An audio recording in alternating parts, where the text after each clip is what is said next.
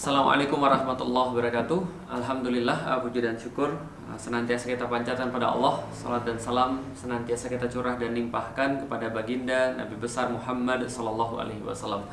Uh, Baik teman-teman sekalian Kita masih melanjutkan Sedikit sharing kita tentang 29 Mei 1453 Dan kemarin kita sudah sampai pada satu pembahasan bahwa ketika Rasulullah Shallallahu Alaihi Wasallam itu memberikan sebuah visi kepada kaum muslimin ketika perang Hondak, maka beliau menyampaikan tentang uh, kota Konstantinopel dan kota Roma yang akan ditaklukkan oleh kaum muslimin, dibebaskan oleh kaum muslimin, maka ini disambut dengan sangat gembira sekali dengan uh, oleh kaum muslimin. Walaupun uh, waktu itu kaum muslimin belum pernah sama sekali melihat seperti apa kota Eh, Konstantinopel, seperti apa kota Roma. Mereka sama sekali tidak pernah melihat itu. Tapi mereka meyakini bahwa kota itu pasti akan dibebaskan oleh kaum muslimin. Nah, jadi gini teman sekalian.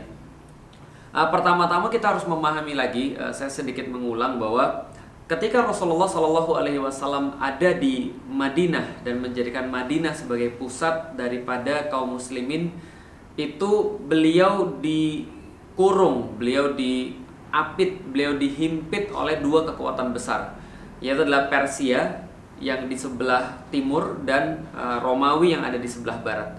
Di sebelah barat itu ada Romawi, ibu kotanya adalah Roma. Roma itu adalah ibu kota Romawi yang terletak di sebelah barat Romawi.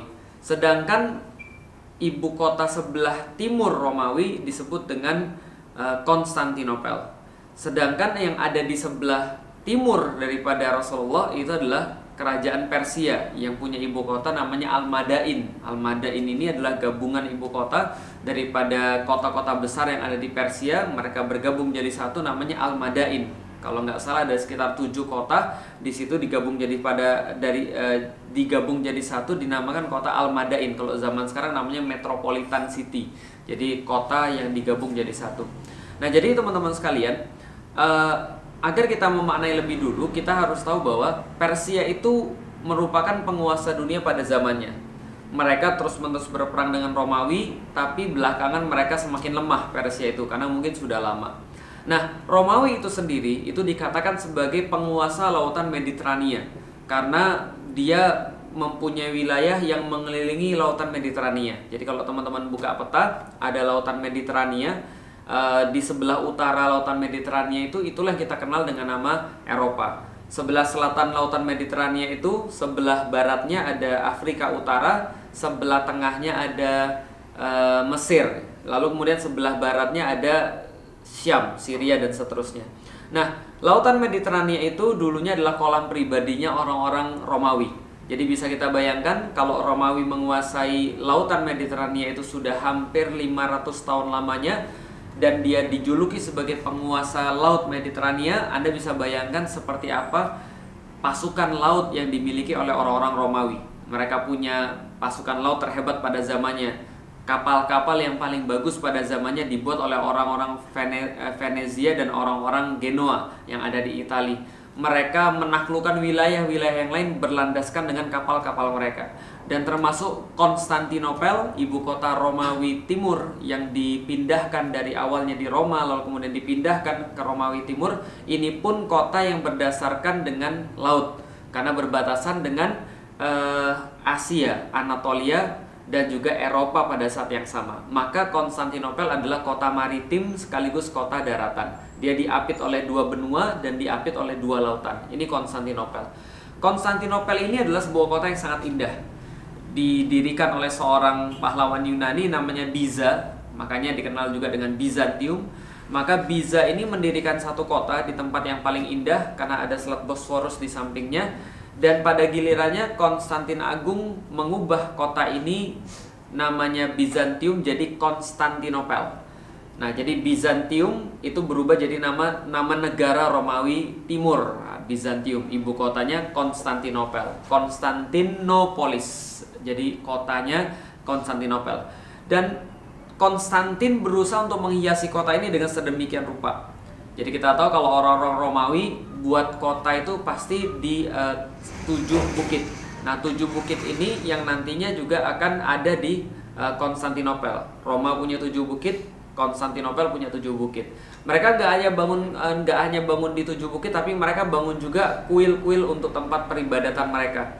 Dalam hal ini ketika Konstantinopel sudah ada, agama mereka adalah agama Kristen Ortodoks. Maka mereka membangun gereja-gereja di setiap bukit-bukit yang ada di Konstantinopel. Mereka menghiasi dengan batu-batu mulia, mereka menghiasi kotanya dengan sangat indah sekali. Mereka merapatkan uh, atap-atap mereka sampai kemudian tidak bisa matahari lewat ke bawah mereka perkeras tanah-tanah di bawahnya dengan batu porfiri, batu marmer dan seterusnya. Dan yang paling hebat di sana sangat religius. Orang-orang ketika masuk pun sudah mengenal kereligiusan daripada kota Konstantinopel. Dikatakan oleh sejarawan, kota ini pada masanya itu memiliki gereja yang lebih banyak daripada jumlah hari dalam setahun. Jadi sangat sangat religius sekali.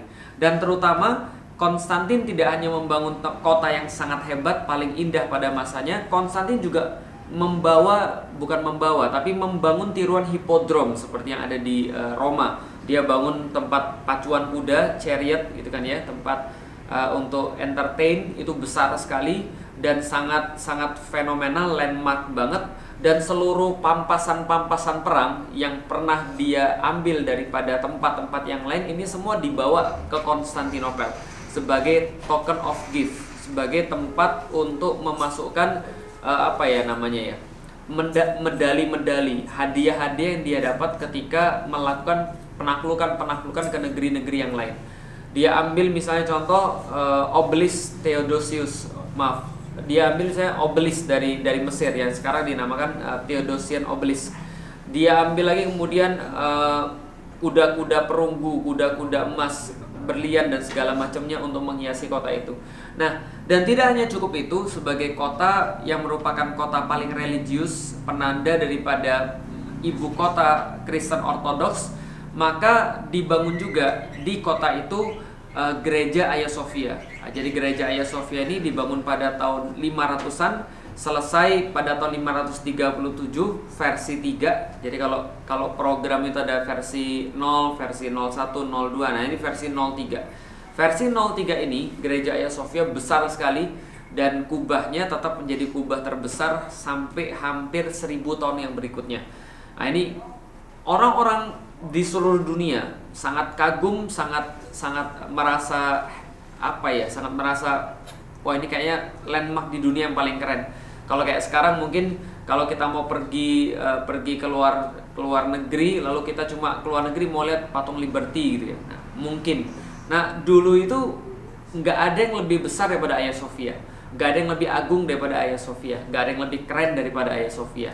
Maka ini juga sekaligus menjadi uh, gengsi bagi agama Kristen Ortodoks untuk menyebarkan syiarnya mereka. Nah, jadi saking besarnya gereja ini sampai-sampai ada orang dari Rusia ketika dia datang dari tempatnya jalan kaki lalu sampai ke Konstantinopel, lalu dia masuk ke dalam Hagia Sophia, dia mengatakan saya tersesat.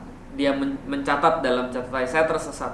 Bahkan saya tidak tahu lagi saya ini masih berada di dunia atau saya sudah masuk ke dalam surga.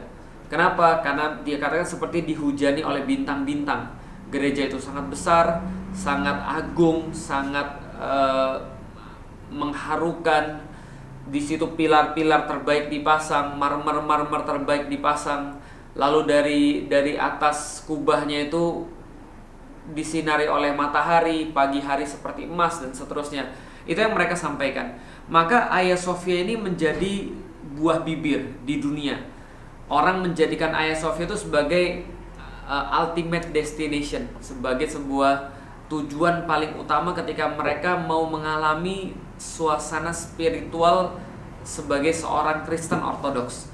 Ini kota keren banget. Nah, kota inilah yang disebut oleh Rasulullah Shallallahu Alaihi Wasallam, yaitu adalah Konstantinopel. Nah, maka kaum muslimin sebaliknya, kalau kita cerita Konstantinopel atau Bizantium atau Romawi Timur ini lagi masa jaya-jayanya, Justru kaum muslimin lagi baru mulai-mulainya, baru bayi. Mereka nggak punya angkatan laut, mereka punya angkatan darat, tapi ya tidak bisa menjangkau Konstantinopel karena waktu itu masih direpotkan oleh Persia dan masih direpotkan oleh uh, urusan-urusan di dalam jazirah Arab, tapi mereka punya visi yang sangat besar. Pada gilirannya di masanya Muawiyah itu mulailah mereka menguasai kota-kota yang penting yang berada di pinggir laut Mediterania. Seperti kota apa? Kota Tyre, lalu kemudian kota Eker yang dulu disebut dengan Akko atau Akka Lalu kemudian mereka menguasai kota Alexandria yang ada di Mesir. Mereka menguasai kota Al-Farama misalnya, yang itu adalah basis-basis kapal, perkapalan dari zaman dulu. Orang muslim sangat cepat mengadaptasi teknologi-teknologi perkapalan karena mereka memang perlu untuk menjaga uh, wilayah-wilayah yang waktu itu mereka kuasai dan untuk meluaskan dakwah. Walaupun memang mereka nggak biasa, ya orang Arab itu kan nggak ada nggak ada kebiasaan untuk punya pasukan laut. Nah maka ini adalah kali pertama mereka mereka punya pasukan laut. Di masanya Utsman bin Affan pasukan laut ini dibentuk secara profesional. Nah maka dari situlah kaum muslimin memulai perjalanannya di lautan membentuk pasukan-pasukan laut. Nah terus menerus terus menerus pertama kali yang pengen untuk merealisasikan hadis Rasulullah Shallallahu Alaihi Wasallam latuf tahanal Konstantiniyah fala ni'mal amiru amiruha wala ni'mal jaishu dzalikal jaish akan di, akan dibebaskan kota Konstantinopel. Dan sebaik-baik panglima adalah panglimanya sebaik-baik pasukan adalah pasukannya adalah Yazid bin Muawiyah di masa kepemimpinan bapaknya Muawiyah bin Abu Sufyan Nah, jadi ketika dia meminta izin pada bapaknya untuk menggerakkan pasukan, bapaknya lalu memperbolehkan pada 600 tahun 674 mulailah kemudian ekspedisi pertama ke Konstantinopel. Ingin menagih janji Rasulullah Shallallahu alaihi wasallam bahwa pasti akan dibebaskan kota Konstantinopel. Uh, Latuf tahannal Konstantinia. Dalam tinjauan bahasa ini ada beberapa huruf-huruf yang menegaskan lam lalu kemudian nun latuf tahanna digabung dengan fiil mudore fiil mudore digabung dengan lam takkit penegasan bahwa akan terjadi ke depan ditambah lagi nun takkit lagi maka menjadi benar-benar kalian pasti akan menaklukkan kota Konstantinopel. Ini ditagih oleh uh, Yazid bin Muawiyah. Dia bawa sejumlah besar pasukan pada tahun 674 dan termasuk di dalamnya adalah Abu Ayyub Al-Ansari. Abu Ayyub Al Ansori kita tahu adalah orang yang sangat banyak sekali berperang bersama Rasulullah Shallallahu Alaihi Wasallam. Maka ketika dia minta pada Muawiyah, maaf, dia minta kepada Yazid bin Muawiyah, Yazid, bapak mau ikut, uh, Yazid juga galau sebenarnya. Lah kenapa? Mau diterima, ini orang sudah 80 tahun, mau ditolak uh, pahlawan besar gitu kan ya, takut kualat, maka kemudian ya sudahlah diterima.